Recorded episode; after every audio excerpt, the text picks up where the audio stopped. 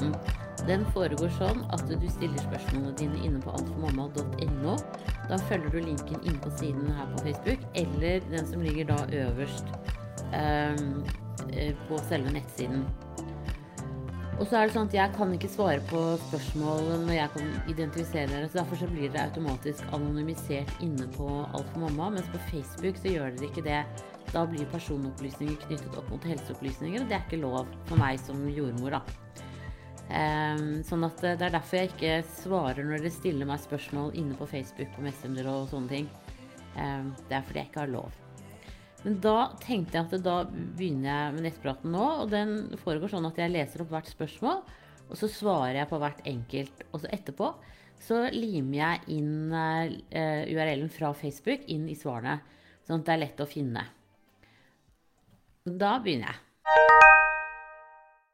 Da er det fortvilet jente som sier Hei, jeg har blitt gravid to ganger, men begge gangene har det endt i Emma.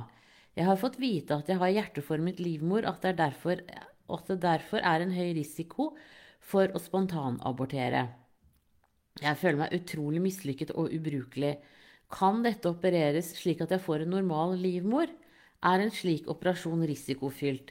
Vil jeg noen gang kunne bære frem et barn med denne ubrukelige livmoren?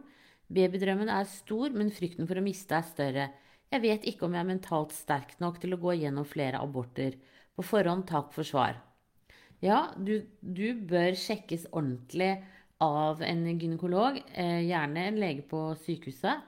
Fordi at noen ganger så kan man operere, og andre ganger ikke. Og så er det veldig sånn forskjell på Noen har en veldig sånn hjerteformet som går veldig ned, mens noen har bare en svakt hjerteformet livmor. Eh, og noen har en hel skillevegg som gjør at livmoren er delt i to. Eh, og noen kan ha to eh, livmorer også.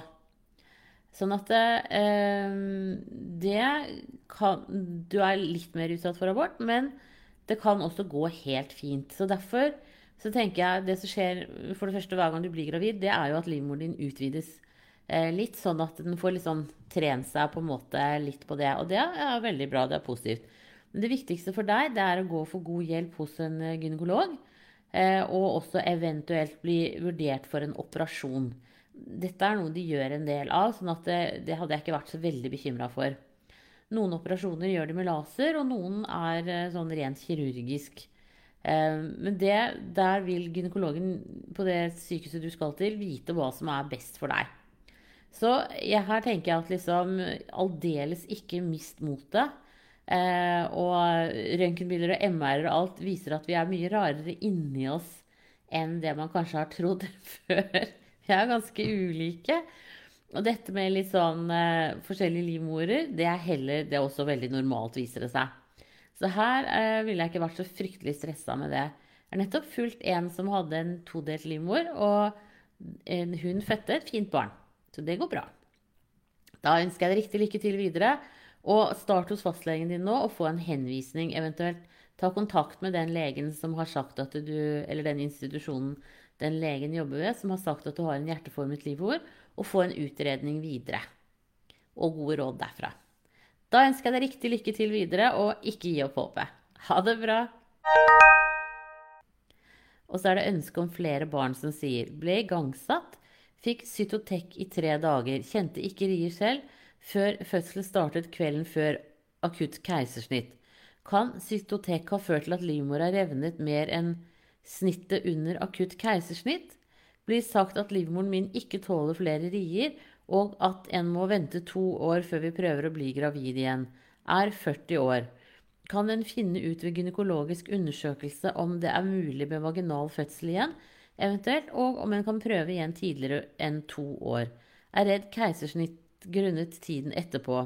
Om en skulle bli gravid, men mistet fosteret, vil livmoren kunne tåle en abort når den ikke tåler rier? Ja, eh, for å ta det siste først en, en, Det er stor forskjell på å ha rier med en, en, fullt, en baby på rundt 3,5 kg inni eh, og en abort. Livmoren jobber mye hardere ved en fødsel enn det den gjør ved en abort. Så det er ikke noe å bekymre seg for.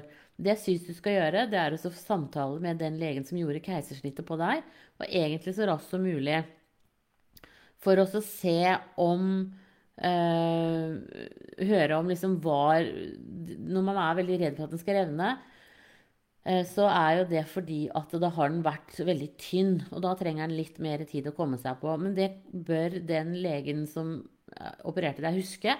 Og det bør i hvert fall stå i den operasjonsbeskrivelsen. Og to år er liksom lengre enn det som er vanlig. Så Derfor så tenker jeg at det kanskje står noe spesielt i den operasjonsbeskrivelsen. At det var noe spesielt som skjedde med deg. Eh, nå er det jo også sånn at igangsetting eh, øker faren for komplikasjoner. Så det kan også være det at du ble igangsatt som gjorde at det ble hastekeisersnitt. Men det eh, Det er liksom Det er vanskelig å si. Men derfor er det viktig å snakke med den jordmora og eventuelt legen som også var der. Um, og jeg tror ikke Altså, Cytotek fører ikke i seg selv til at livmoren revner. For Cytotek gir jo sammentrekninger i livmoren, og det, det, er liksom Det er ikke Hva skal vi si? Det er ikke selve sammentrekningene den på en måte sånn sett revner av, tror jeg. Men ta kontakt med sykehuset, eventuelt via jordmor eller fastlege. Og så får du gjort en ny vurdering nå så raskt som mulig. Og selvfølgelig, når du er 40 år, så er jo ikke alderen på din side. Da kan det være greit også å lage et nytt barn raskt. Men men hør hva de anbefaler, og hvorfor de snakker om to år. Eh, for jeg vet at det pleier å være ett ved keisersnitt. Da ønsker jeg å ta rede på disse tingene, og ikke liksom sitte i uvisse. Da ønsker jeg deg riktig lykke til videre, og tusen takk for at du følger meg her. Ha det bra. Og så er det lekker av og til. Hei, jeg lurer på en ting. Jeg har fått påvist litt, litt lite fostervann, så de lurer på om jeg lekker. Er i termin så ikke fare for prematurt, men ser av og til ut som urinen min er litt rosa-oransjeaktig ut. Kan det være at jeg har drukket litt lite væske, eller kan det være fostervann? Og kan man lekke litt av og på med det? Ja, når urinen din er litt rosaaktig, så kan det være fordi at du drikker for lite. Eh, så prøv i første omgang å drikke litt mer. Eh, og så Noen ganger så har folk også litt sånn hissige slimhinner, sånn at man kan faktisk blø litt i urinveiene også. Men som oftest så er det jo Det vanligste til termin er jo at det kommer fra vagina. Mm, og at det, er på en måte mormunnen som har begynt å åpne seg litt. Så den måten du kan sjekke det på, er å ta hvitt dopapir eller hvitt papir, og så sette opp i skjeden, og så gå med det bitte litt, og så se om det kommer noe rosafarge da. Hvis det gjør det, så er det fordi at, um, at det skjer noe med mormunnen din. Eh, man kan lekke av og på liksom noen ganger, men det er ekstremt sjeldent. Sånn at jeg tenker at eh, det de burde gjøre, er jo også ta en sånn Før så tok man noe som het lakmustest. Det heter ikke det lenger, men jeg husker ikke hva det heter. For å se om det er fostervann i skjeden din. Eh, så, så det burde de på en måte forfølge litt tettere. Nå er det også sånn at de fleste starter i fødsel eh, innen tre dager når, når fostervannet har gått. Så jeg vil jo tro at du kanskje går i fødsel ganske snart. Da, eh, Hold kontakten med føden i forhold til dette her også. Det du også kan prøve, det er å legge deg ned på gulvet, da, eller senga. da. Eh, når du ligger, så flyter babyens hode akkurat litt opp. Eh, for det er litt oppdrift, og da kan det renne mer under. Men det er ikke sikkert at det gjør det på deg, siden du har litt lite fostervann. Men det er forsøket verdt. Og så se hvis det renner da, så er det vannet som har gått. Garantert. Da ønsker jeg deg riktig lykke til videre, så får vi håpe at du smukker over i fødsel ganske raskt. Ha det bra! Og så er det livmorhals som sier Hei, gravid i uke 25. Jeg har blitt 50% sykemeldt pga. mye kynner og stress i jobben. Jeg har kynnere etterfulgt av en del nedpress, derfor har fastlegen min sendt meg til undersøkelse av livmorhalsen. Hvordan gjøres denne undersøkelsen?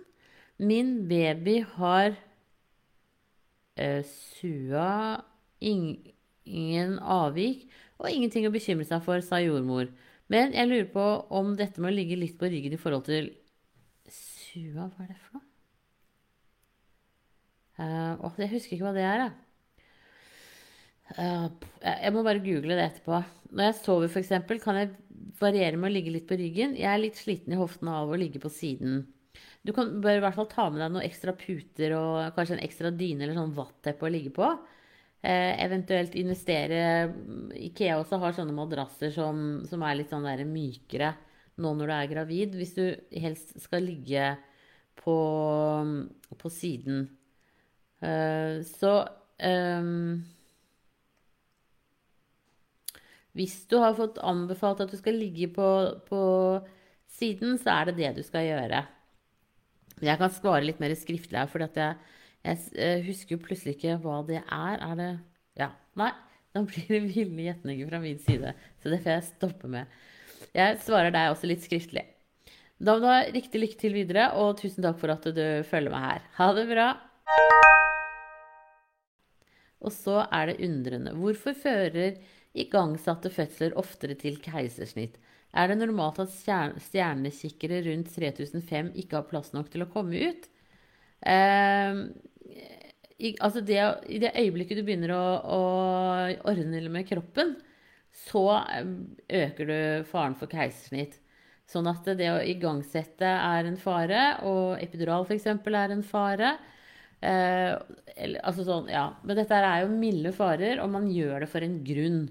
Sånn at det, eh, når man setter i gang en fødsel, så er det en årsak til det. Det er ikke noe man bare gjør. Um, og det beste er liksom når kroppen på en måte ordner opp selv og lar deg gå i fødsel. Men sånn er det ikke alltid. Og noen ganger så må man igangsette. Så det kan være forskjellige årsaker til det.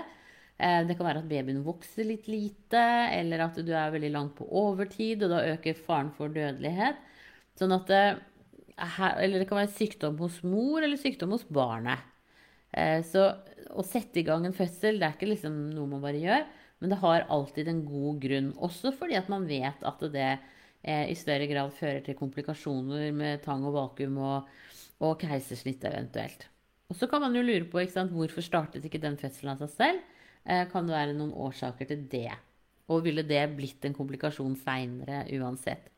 Så eh, la oss si at hvis du da, siden du spør om stjernekikker også, så tenker jeg at kanskje babyen din har ligget eh, som en stjernekikker, og da er diameteren på hodet 1 cm større.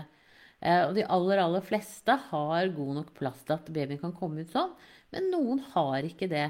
Og da kan det f.eks. ha vært årsaken til at eh, fødselen aldri gikk ordentlig i gang, fordi at du fikk ikke det presset fra hodet ned i skjeden som påvirker mormunnen innifra. Så, så jeg tenker at uh, her kan det eventuelt uh, være en, en, sammenheng. Men uh, de aller, aller fleste greier nok egentlig altså Da har du, ganske, da har du relativt trange bekkenmål hvis en stjernekikker ikke kommer ut. Men det kan jo ha vært andre ting også. Det jordmødrene mer og mer gjør under fødsel nå, da, det er jo å prøve å Hvis man oppdager i tide at det er en stjernekikker, at man plassere kvinnen i forskjellige stillinger som gjør at hodet kanskje roterer bedre nedover i bekkenet. Um, så det, det, også er jo liksom, det er en, del, en, en viktig del av jordmorjobben. da. Uh, å, å, få babyen uh, riktig vei ut. Så jeg håper at jeg greide å svare deg på dette. Uh, og jeg ønsker deg riktig, riktig lykke til videre, og tusen takk for at du følger meg her. Ha det bra! Og så er det Anna som sier hei. Jeg bruker Fructus femina. Jeg er 7 pluss 6 i dag. Ser man ikke skal ha det i kontakt med metall. Jeg har tannregulering og lurer på om jeg kan gjøre noe skade ved å bruke dette. Jeg bruker også et par dråper ekstra Fructus femina per dose, og et par ganger ekstra enn angitt per dag fordi jeg er så engstelig. Føler Fructus femina hjelper meg med å tenke at dette går bra. Er det farlig å bruke mer enn angitt? Ser også at det inneholder alkohol, hvilket man ikke skal ha i graviditeten. Kan dette gi alkoholskade på barnet? Jeg hadde en SA et par dager etter forventet mens. Måneden før, før ble jeg gravid denne runden. Jeg er helt hysterisk hele dagen og sjekker truseinnlegget mitt i hytt og pine. Hvilket også er derfor jeg bruker mer Fructus femina enn angitt dosering. Hver gang jeg kjenner en liten prikking eller stikking, så får jeg helt hetta, enda jeg vet dette er fordi livmoren vokser. Har barn fra før også, men klarer ikke å slappe av og tenke at dette er normalt. Har du noen tips for å roe ned tankene? Takk for en kjempefin side, du er super. Tusen takk for ros, det er alltid hyggelig å høre. Eh, jeg kan ikke så mye om Fructus femina, men inne på rolv.no så står det mer om det der. Eh, så det må du på en måte sjekke der eh, eventuelt. Og alternativt med den som har anbefalt deg Fructus femina. Eh, men jeg skal i hvert fall inn der etterpå nå og lese, for jeg husker jo ikke helt hva det er. Eh, Og så tenker jeg i forhold til det at du er så stressa, da, så må du nesten liksom ta deg selv litt i nakken og fokusere. Eh, og tenke at du hva, selv om du har fått fine barn før, så er det ikke sånn at kvoten din er brukt opp. Det er helt fullt mulig å få fem, seks, sju helt fine unger. Så prøv å liksom bare komme deg nedpå og samle deg selv litt. Eh, når du tenker disse tankene istedenfor å liksom Når du tenker liksom 'Å, nå blødde jeg', så, så, du, og så stopper du deg selv, og så går du ikke på do og sjekker den trusa. Men så stopper du deg selv, og så sier du 'Dette her går helt fint'. Eh, nå må jeg bare slappe av. Og hvis ikke du greier å komme av det tankehakket, så titt ut av vinduet, se på fuglene, se på trærne, se på naturen. Altså gjør et eller annet som bryter den tankegangen om at dette her går sikkert dårlig. Eh, og med barn fra før så vet du jo det at det er masse å bekymre seg for hele tiden. Eh, og man må faktisk bare redusere det der, ellers så går du rett i frø. Eh, og det er så slitsomt. Så jeg tenker at liksom prøv å eh, Og hvis du føler at Fructus femina hjelper deg, så tenker jeg at det, da er det sikkert veldig bra for deg. Eh, men som sagt, sjekk inne på rov.no hva det står der. For han har en kjempefin side om urter. Og forklarer godt hva som skjer hvis det er for mye eller for lite. eller liksom sånn. Så prøv å samle deg. En stein i lomma som du gnir på hver gang du tenker tanker om at dette går rett vest. gjør ting som på en måte distraherer deg. Eh, det tror jeg er en veldig, veldig bra investering. For det er kjempeslitsomt når man på en måte har det sånn som det er. Bare, det, er liksom, det er jo litt det at du lar deg rive med, ikke sant? Men du må stoppe det. Du må stoppe deg selv aktivt. Det er jo det, er jo det vi gjør med barna våre hvis de tar helt av. Så må man jo liksom ja, holde litt rundt dem, samle dem litt og, eh, og si at liksom Ja, men du, nå må du være her. Vi er her nå, og her er det trygt og godt å være. Eh, så bruk det litt på deg selv, rett og slett. Eh, hold rundt deg. Gni på en stein. Titt ut. Gjør aktive ting som bryter den tankerekken. Og stopp deg selv. Du kan begynne med 50% av tilfellene. Og når du får behov for å, å sjekke den trusa, så ikke gjør det. Eh, rett og slett. Det er mitt beste råd til deg. Eh, du kan sikkert sjekke dem en annenhver gang første dagene, og så etter det så hver tredje gang når du tenker det, eller også hver fjerde gang, og så kutter du. Eh, og så er det ikke lov å se trusa før neste gang du skal på do. Eh, og, forholde forhold deg liksom heller til det. Eh, og så er det sånn at hvis du begynner å blø, og sånn, så kjenner du det. Man kjenner jo at det renner noe varmt ut. Så så lenge du ikke kjenner det, så er det helt greit, altså. Det er klart at noen er jo også litt, liksom lekker litt urin når de er gravide, da. Så det kan jo være en ulempe. Men eh, i det store og det hele, du kjenner hvis, det, hvis, du blør. Så da prøv å samle deg, holde deg selv litt godt, og, og, og, og ikke la deg ta helt av i hysterisk retning, for det er slitsomt. Da ønsker jeg deg riktig, riktig lykke til videre, og tusen takk for at du følger meg her. Ha det bra! Og så er det Mia som sier Hei, jeg er andregangsgravid og fikk i uke 12 påvist GBS i urinen. Ikke mengder nok til å skulle behandles for det nå. Det skulle vurderes om jeg skulle ha antibiotika under fødsel. Jeg ønsker å føde i vann slik som sist. Kan jeg ikke dette dersom jeg nå skal ha behandling under fødsel? Er det mulig å ta en ny prøve nær fødsel for å se om jeg fremdeles har GBS? Har forstått at dette er noe som kommer og går. Jeg ønsker en minst mulig medisinsk fødsel. Ja, det er fullt mulig å ta en eh, prøve på GBS. Så spør om ikke du kan få gjort det i uke 34-35. Eh, og hvis du fortsatt har det da, så går det an å gå en antibiotika-kur med piller før termin, slik at du er kvitt den GBS-en og kan føde i vann eh, sånn som du har lyst til. Det tenker jeg kan, må være en løsning. Så snakk med jordmor og fastlege om det. Og så eh tenker jeg at det ordner seg, jeg. Da ønsker jeg deg riktig lykke til videre, og tusen takk for at du følger meg her.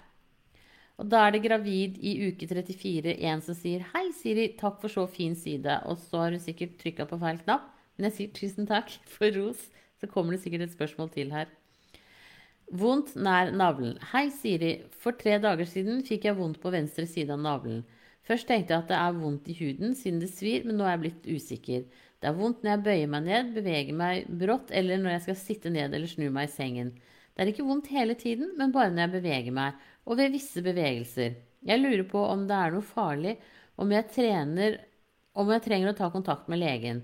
Jeg vet ikke om det er relevant, men jeg bruker blodfortynnende grunnet en sykdom som har med blodkoagulasjon å gjøre. Jeg er i uke 34 av svangerskapet. Hilsen og takk for svar. Hvis du bruker sprøyter, så kan det jo ha vært en liten sånn lokal eh, bloduttredelse. Men sånn i utgangspunktet så tenker jeg at det er musklene som holder livmoren på plass, muskler og sener, som har fått en liten strekk på seg. Så jeg tenker at det er normalt. Alt som kommer og går, er stort sett normalt. Du kan jo ta det opp med jordmor eller fastlege neste gang du er på, noe, er på kontroll. Men noe sånn brennhast, det tror jeg ikke det har, altså. Det høres uh, ut som det er innafor normalen. Da ønsker jeg deg riktig lykke til videre, og tusen takk for at du følger meg her. Ha det bra! Og da er det 111 som sier Kan et lite glass vin drepe hjerneceller? Tok et glass før jeg visste at jeg var gravid. Leser at alkohol kan påvirke cellene i sentralnervesystemet. Men må det større mengder til da? Vi omgir oss, av giftige stoffer hele tiden. Var ca. fem uker på vei. Nei, siste nytt er at eh, litt alkohol er ikke så farlig. Eh, og ett lite glass vin er helt innafor. Det er ikke noe problem. Problemet er at man vet ikke hvor mye som skal til for at det skal være skadelig, annet enn at man vet at 1 dl sprit hver dag, det er veldig ødeleggende for et foster. Men det er få mennesker som drikker så mye Eh, og da vil man jo være innenfor kategorien alkoholiker. Så da er det jo på en måte et kjent problem. Så et lite glass sånn som du drakk nå, det går helt fint. Og veldig mange av oss har jo på en måte vært igjennom en, eh, en um, liten Altså at moren vår drakk før, før, de visste at de var gravide. Eh, så, det, så, det, tenker jeg at det er, det er helt innafor, altså. Det er ikke noe å, å være noe bekymra for. Så ikke stress med det. Da ønsker jeg deg riktig lykke til videre, og tusen takk for at eh, du følger meg her. Ha det bra. Og så er det neste spørsmål. Joha. Hei, jeg har et spørsmål angående sting etter fødsel. Det er fire uker siden fødsel, og jeg måtte sy pga. klipping. Nå de siste dagene har det svidd voldsomt, og jeg merker litt blod på papiret.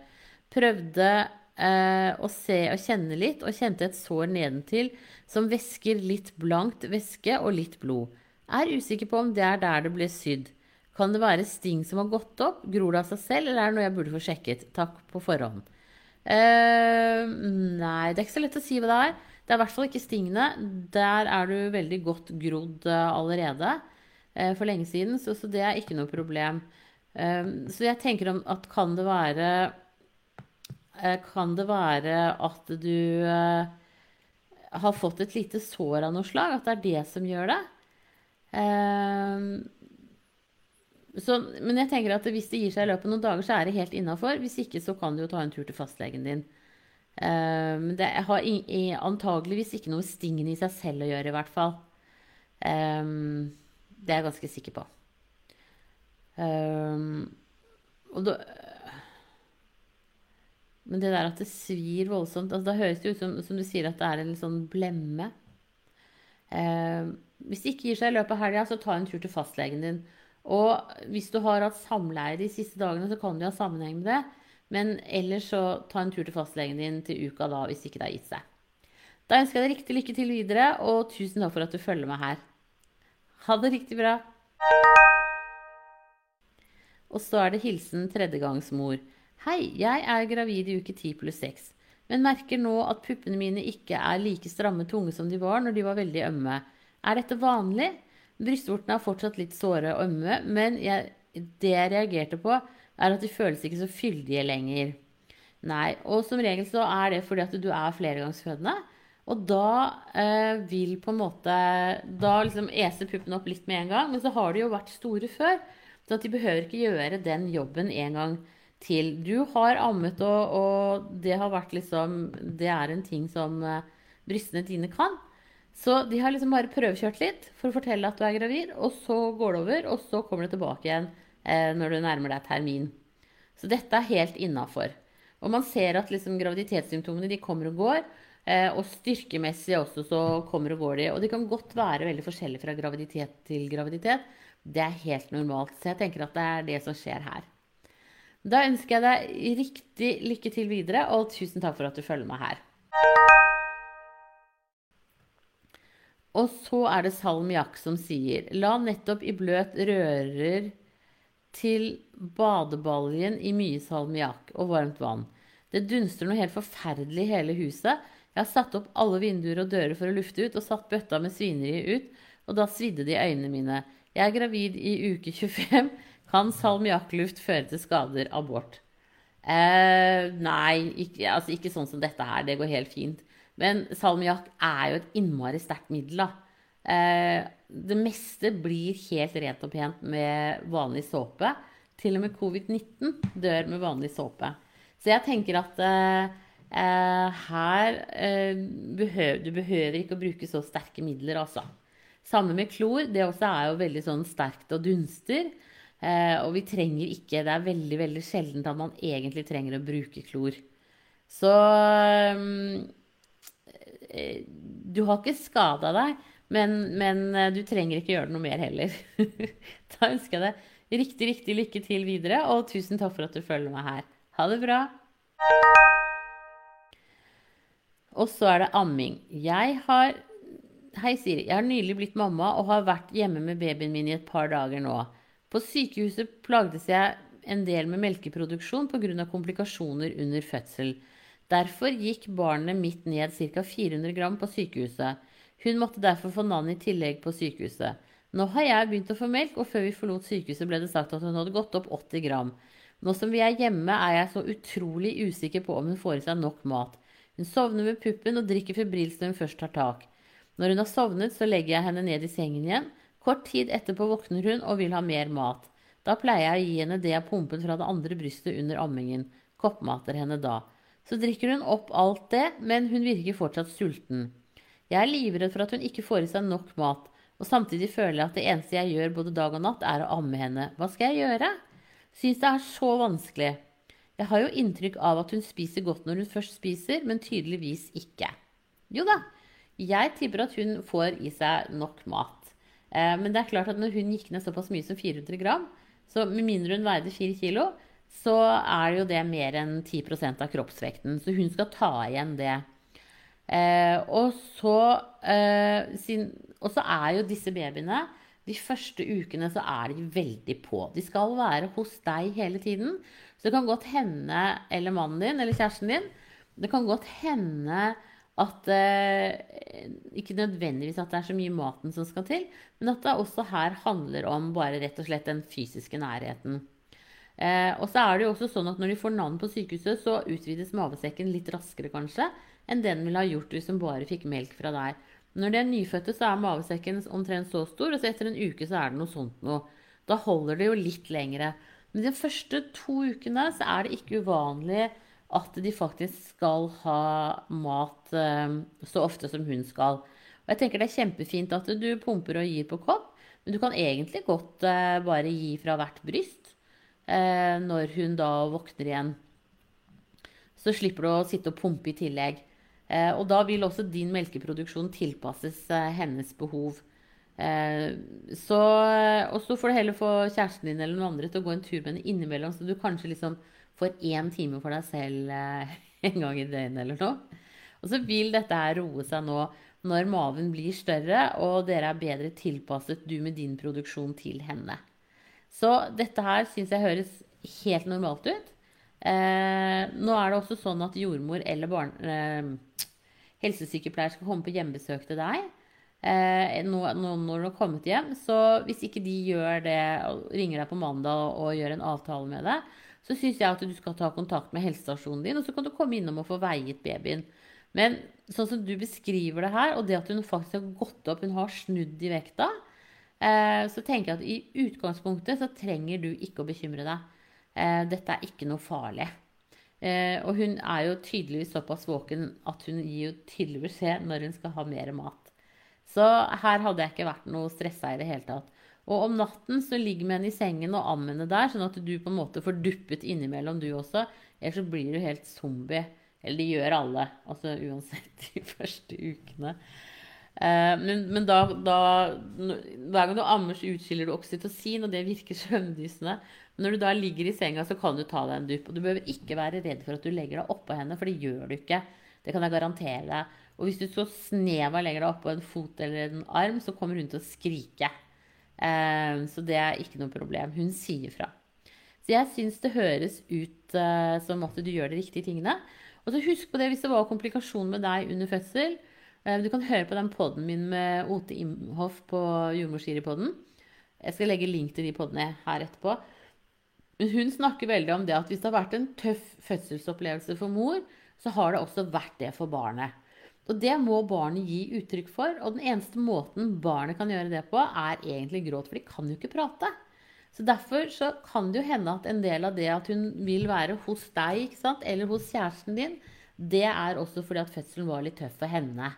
Eh, og da trenger hun den trøsten. Da trenger hun å være inntil, trenger å høre hjertelyden, kjenne kroppsvarmen. De tingene der. Så det er ikke alltid liksom mat, men det er sikkert også litt mat med henne. Det, det, siden hun gikk ned såpass mye vekt. Så eh, tass litt rundt og rugg litt på henne og ha henne inntil, sånn gjerne hudkontakt. Det liker de veldig godt. Og si nei til besøk, ikke sant. Altså de aller, aller nærmeste kan komme på besøk, men andre de får bare vente. For nå skal dere være liksom full rulle inne i ammetåka og ikke liksom behøve å forholde dere til andre på noe som helst slags vis. Så jeg syns det høres ut som du gjør de riktige tingene. Fortsett med det. Og så ønsker jeg riktig lykke til videre, og snart så blir det akkurat litt enklere når mavesekken har blitt litt større. Da må du ha en strålende dag videre. Ha det bra, og tusen takk for at du følger med her. Ha det. Og så er det amme som sier Burde man amme på begge sider hver gang man ammer? Jeg pleier å veksle mellom å amme på f.eks. venstre pupp klokken tolv, og neste gang barnet skal ha mat, så får hun det fra det høyre. Pleier å bruke Natur Nature Bond sin vakuumpumpe på det brystet som ikke ammes. Er dette greit, eller burde jeg amme på begge bryst? Altså, du trenger ikke å bruke noen pumpe.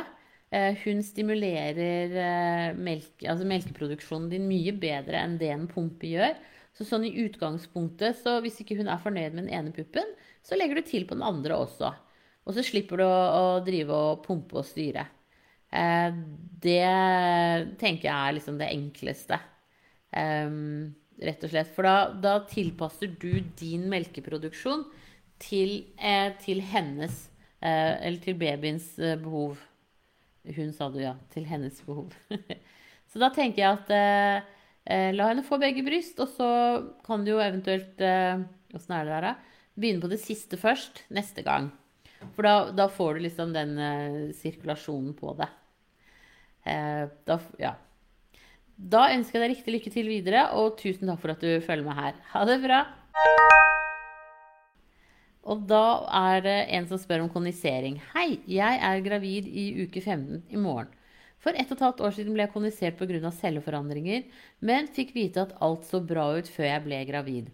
Fastlegen min henviste meg til gynekologen som utførte koniseringen da jeg var gravid i uke seks, og da sa hun at alt så fint ut men hun oppdaget en syste som var nokså stor. Hun ønsket å følge denne opp. Etter tre uker fikk jeg ny time. Da hadde systen vokst og var på 60 ganger 72 millimeter. Jeg har blitt henvist til kontroll på Ullevål, men lurer på hvor vanlig det er med slike syster som vokser, og om det kan utgjøre en risiko for fosteret. Jeg har ingen smerter, men er bekymret for at systen skal fortsette å vokse og oppta plassen til fosteret, eller hva som skjer hvis den sprekker. Vil det da komme blod eller væske i buken, og vil det påvirke fosteret? Og vil kondiseringen gjøre fødselen mer krevende med tanke på arrvev og andre faktorer? Dette er mitt første barn, og jeg vet at kondisering medfører økt risk for for tidlig fødsel og senabort. Håper jeg unngår dette. Spurte på forrige kontroll om hvor lang livmorhalsen min er, og da sa hun at 34 millimeter er, eh, er lengden. Er dette innafor med tanke på at jeg har fjernet en del under koniseringen? Takk for flott side. Håper på svar. Det er absolutt innafor, så det høres veldig bra ut med den lengden. Jeg bare kom på hvordan man måler det. For det var det en som spurte om tidligere. og det, Da går man inn i skjeden, og så måler man liksom holder man fingeren opp til liksom skjedebunnen, og så kan man måle hvor lang eh, mormunnen er. Noen bruker også en slags sånn liten målestokk. Ja. Skal vi se, men da skal jeg svare resten på deg. Eh, jeg kan ikke så mye om sånn eh, konisering. Uh, men du skriver at du ble konisert for ett og et halvt år siden, og så sier du Å uh, ja, nå skjønner jeg. Ja, Og så er du gravid i uke seks nå, så den kysten Ja. Ja nei, altså, jeg har hørt om flere som har kyster inni livmoren, og det går helt fint. Akkurat som kroppen reabsorberer dem selv. Eh, sånn at jeg tenker at det, det, beste de gjør, er jo å følge med på det. Eh, og så se, se, hva som skjer videre. Jeg vil jo tro at det også går an å gå inn med en nål og så tømme den. litt sånn avhengig av hvor den sitter og sånn, men man går jo inn Eh, og tar prøver av fostervann med nål og, og sånn. Så det, det, her er det helt sikkert flere muligheter. Eh, og de vil jo aldri la den bli så stor at den på en måte tar plassen til fosteret. Så eh, her er det gynekologene på sykehuset som kan dette best. Så skriv ned på telefonen din eller på en lapp alle de spørsmålene du har i forhold til dette til besøket hos gynekolog, og hva de tenker videre om det. Eh, når det gjelder fødsel, så pleier det egentlig å gå ganske greit selv om man er konisert. Um, så det er som du sier, den største faren er egentlig for tidlig fødsel. Så her får vi krysse fingrene at, eh, for at du unngår det. Og så tenker jeg at eh, når du da er inne på den kontrollen nå, hvis mormunnen din har blitt kortere, så må du høre med dem om en løsning er at du blir sykemeldt. For at, sånn at du kan ta det helt med ro og ligge mye på sofaen og Eh, kjede deg selvfølgelig, men, eh, eller jobbe i liggende stilling hvis du kan ha hjemmekontor. Eh, men det er jo da for å sørge for at du ikke føder for tidlig. Så det kan også være en investering i, i graviditeten din. Så det tenker jeg at det kan være, være en løsning for deg. Men skriv ned alle spørsmålene. Her er gynekologene ekspertene. Da ønsker jeg deg riktig lykke til videre, og tusen takk for at du følger meg her. Jo, jeg må bare føye til at i og med at du ikke har abortert det nå, så tenker jeg at det er et veldig godt tegn. Det må jeg bare si. Da ønsker jeg deg riktig lykke til videre, og takk for at du følger meg. Ha det! Og så er det M som sier Hei, er i dag 11 pluss 3. Jeg spotter brunt. Ved 9 pluss 2 hadde jeg en stor blødning, men alt så bra ut. Var på ultralyd i går, og alt så fortsatt bra ut med en liten aktiv baby i magen. Friker helt ut. Hva kan blødningen komme av? Går på blodfortynnende sprøyte en gang om dagen. Jeg tenker at den ultralyden du hadde i går, også var en innvendig ultralyd. Og da blir det litt sånne smårifter. Og når det er brunt, så er det gammelt blod. Så det betyr at det er en blødning som har sluttet å blø. Så her tenker jeg at du må bare slappe av. Det gjør ingenting. Og siden du går på blodfortynnende, så blør du ganske lett, mye lettere. Og det vil også si at hvis dere har samleie, så vil du antageligvis kunne blø litt uh, etter det. Men det er ikke farlig. Uh, du bare er litt mer sånn, si, sånn lettblødd. Da ønsker jeg deg riktig lykke til videre, og tusen takk for at du følger meg her. Ha det bra! Og så er det snart mamma til fire. Hei! Er 30 pluss 3 i dag og har mye vonde kynnere for tiden. Særlig kveld og nattestid. Kan dette tyde på at jeg kommer til å føde før termin? Fødte en gutt i fjor, tre uker før tiden, og hadde samme problemer med det da. Ja, da er jeg enig med deg at det er en viss fare for det. Så jeg syns at du skal ta kontakt med jordmor eller fastlege på mandag. Og så få gjort en vurdering om du skal ha svangerskapspenger, eller om sykemelding kan være noe for deg. For det er klart det at det gjelder også å forebygge. Og så en for tidlig fødsel. Og så bør du også ta en urinprøve for å se om du kan ha en urinveisinfeksjon. Eh, for det også kan gi mye og sterke kynnere. Nå er det også sånn at rundt uke 30 så går hodet ned i bekkenet, sånn at det blir litt mer kynner ut av det. Og så roer det seg igjen.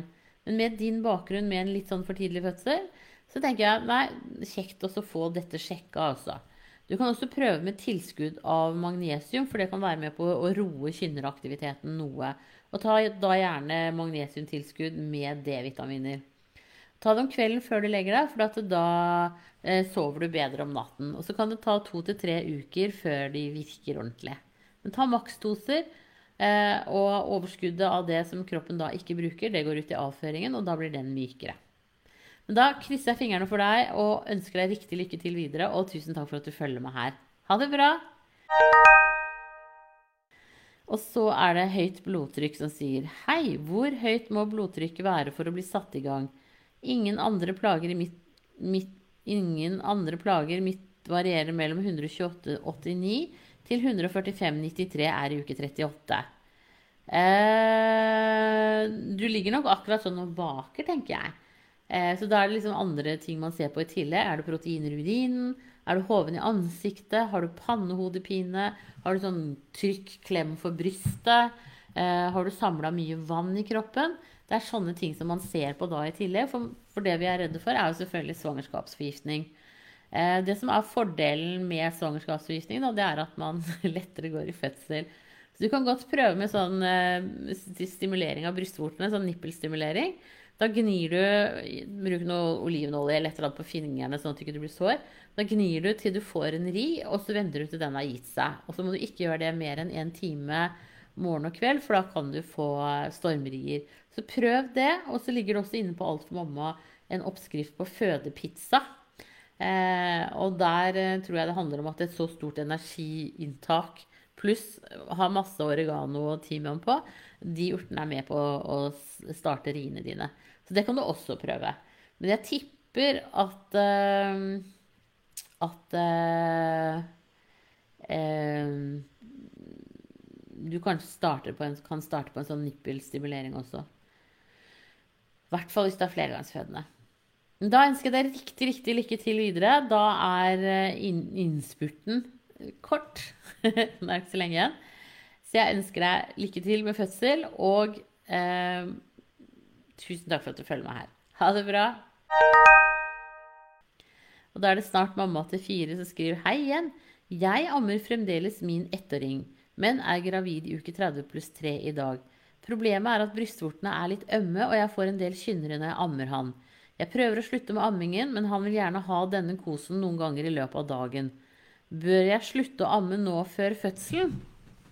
Ja, ikke sant? Det, som, det er liksom helt riktig det er helt etter boka det du skriver. At når du ammer, så skilles det ut oksytocin. Og oksytocin eh, det virker sammentrekkende på livmoren. Det er også det som, man, eh, som skilles ut når du føder. Så derfor så, så, påvirker ammingen her. Og det er klart at du var også bekymra for at du skulle føde for tidlig. Og det Når du allerede reagerer på liksom dette, så at han ammer, så tenker jeg at det, her er du liksom og vaker i, i, i faresonen. Så eh,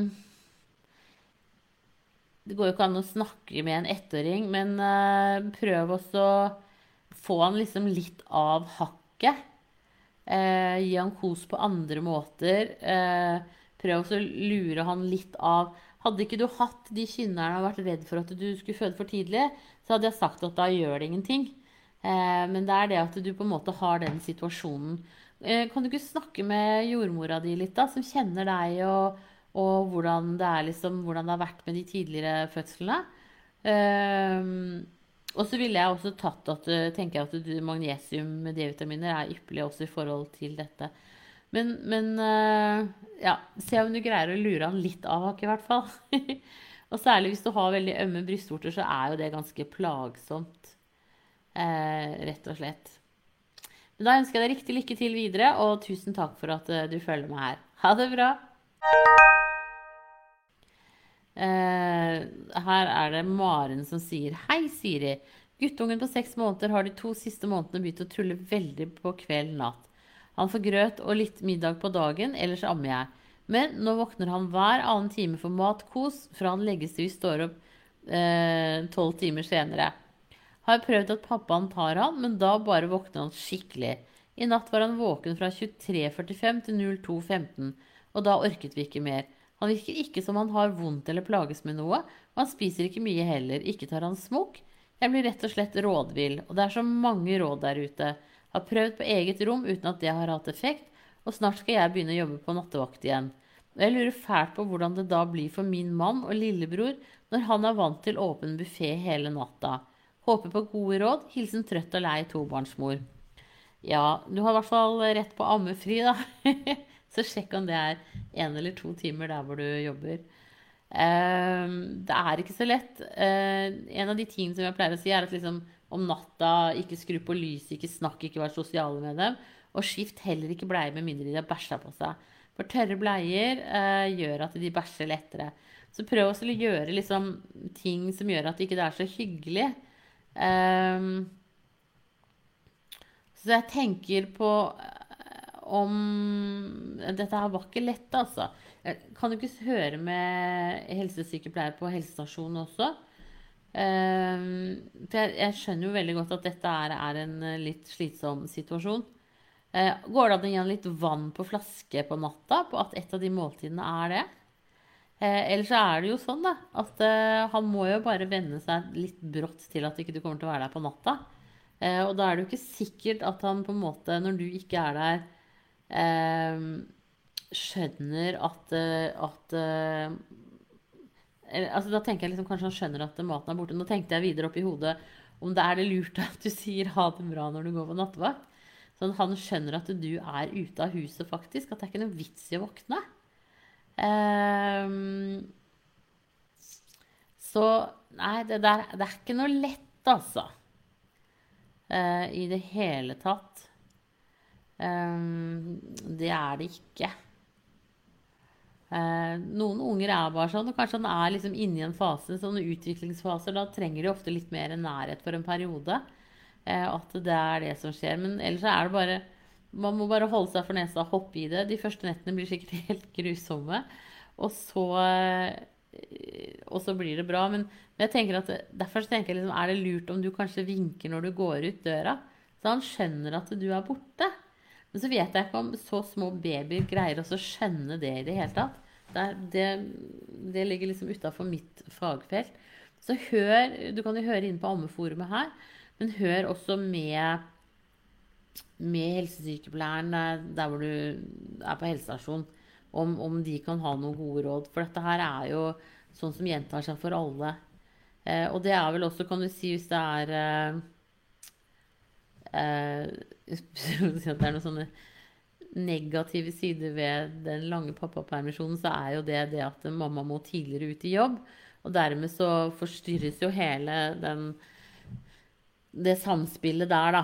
Eh, men jeg unner, jeg unner, absolutt mennene å ha den permisjonen. De bare burde ha økt hele permisjonstiden. Heller. Det hadde vært så mye enklere. Det hadde vært så mye bedre for barna. Nå prater jeg politikk her, da. Um, ja. Jeg tror du bare må ta det når det kommer. Men som sagt, ikke tørr bleie hvis han bare har tisset. Ikke skift bleia. Prøv med vann. Uh, ikke snakk med han. Ikke vær sosial. Um, Kanskje, kanskje liksom en av dere kan sove på det andre rommet med han på en madrass på gulvet ved siden av sengen hans. At det kan vende han til å sovne inne på det andre rommet. For det som skjer sånn rundt tre-fire måneders alder, det er jo at de våkner av at dere lager lyder i søvne om man snorker eller snakker litt eller sånn. Det kan jo babyen også våkne av. Eh, de blir liksom mer klar over det som foregår rundt seg. Så derfor, så hvis én sover man inne på det andre soverommet, så kanskje det kunne, kunne hjulpet noe. Før så lå jo søsken på samme rom alltid. Eh, men da får du liksom litt den der med om de vekker hverandre, da. Eh, men om det kan være et forsøk verdt, det også. Det går an å prøve. Går ikke, så går ikke. Men gi det noen dager. Eh, for det er klart at de vil jo ha glede av hverandre. Eh, det er jo mye tryggere og hyggeligere å sove sammen med noen enn å sove helt alene. Syns jeg, da. det tror jeg en del barn syns også. Da ønsker jeg deg riktig lykke til videre, og tusen takk for at du følger med her. Og så um, Man må bare prøve ut litt forskjellig, men ikke bruk de rådene. Hvis, altså hvis mine råd Hvis du tenker at liksom, nei, det der var helt tullete, så ikke, ikke prøv dem engang. Um, man må, man må følge, prøve de rådene man tenker er gode selv. Og så er det en bok som heter 'Sove uten gråt', og de har også en Facebook-side, så jeg her plutselig. Uh, og det er en amerikansk firebarnsmamma eh, som har skrevet en del sånne gode tips. Og hun tror jo ikke på denne gråtemetoden. Det gjør ikke jeg heller. Eh, så den kan du låne på, nei, på biblioteket. Eh, og så se om det kan være noen gode tips der også. Da ønsker jeg deg riktig lykke til videre, og tusen takk for at du følger med her. Ha det bra! Og så er det keisersnitt. Har et langsgående arr i livmora. I tillegg til et tverrsnitt er det spesielle hensyn å ta med tanke på å kunne ha en ny graviditet. Eh, vet du, Det kan jeg ikke nok om. Eh, jeg vet at de der langsgående arrene er jo ikke noen høydere. Men, men eh, det må nesten snakke med en gynekolog om. Eh, så få fastlegen din til å henvise deg til en samtale ved sykehuset. Eh, hvor de har fødselspapirene dine fra før av. Eh, hvor du kan snakke med en av fødselslegene der. En gynekolog eller en obstetriker. Det er mitt beste råd til deg. Da ønsker jeg deg riktig lykke til videre, og tusen takk for at du følger meg her. Ha det bra! Og så er det Susi som sier Hei, jeg er gravid i uke 5 pluss 6, og jeg lurer på om det er trygt å begynne å jogge. Mener å ha hørt at man ikke bør begynne med dette hvis man ikke allerede driver med det. Jeg vil gjerne komme meg litt i form med tanke på svangerskapet og fødsel. Og jogging er den kondisjonsformen jeg liker best. Men nå har jeg ikke jogget noe på fem måneder. Jeg er en periodetrener og har typisk jogget mellom to til seks km ca. to til tre ganger i uka. Både rolige typer og harde intervalløkter. Når jeg er inne i en periode med treningsmotivasjon, vil veldig gjerne begynne å jogge igjen, men er altså redd for at om støtene som kommer med joggingen, kan føre til spontanabort eller skade fosteret. Vennlig hilsen Susi. Nei, det går helt fint. Så bare ta det litt sånn piano i begynnelsen. Fordi at sener og muskler de er litt sånn eh, treigere nå når du er gravid. Du, eh, og du får litt, sånn, litt dårligere balanse både pga. det, og etter hvert også vektforskyvningen i kroppen. Men hvis du er vant til å trene sånn som det, så begynn litt rolig, og så bare øker du eh, på i forhold til det som Og så må du bare liksom kjenne på kroppen hva som passer for deg. Um, rett og slett. Men det er ingenting i veien for å jogge. Babyen kan ikke falle ut, du kan ikke abortere.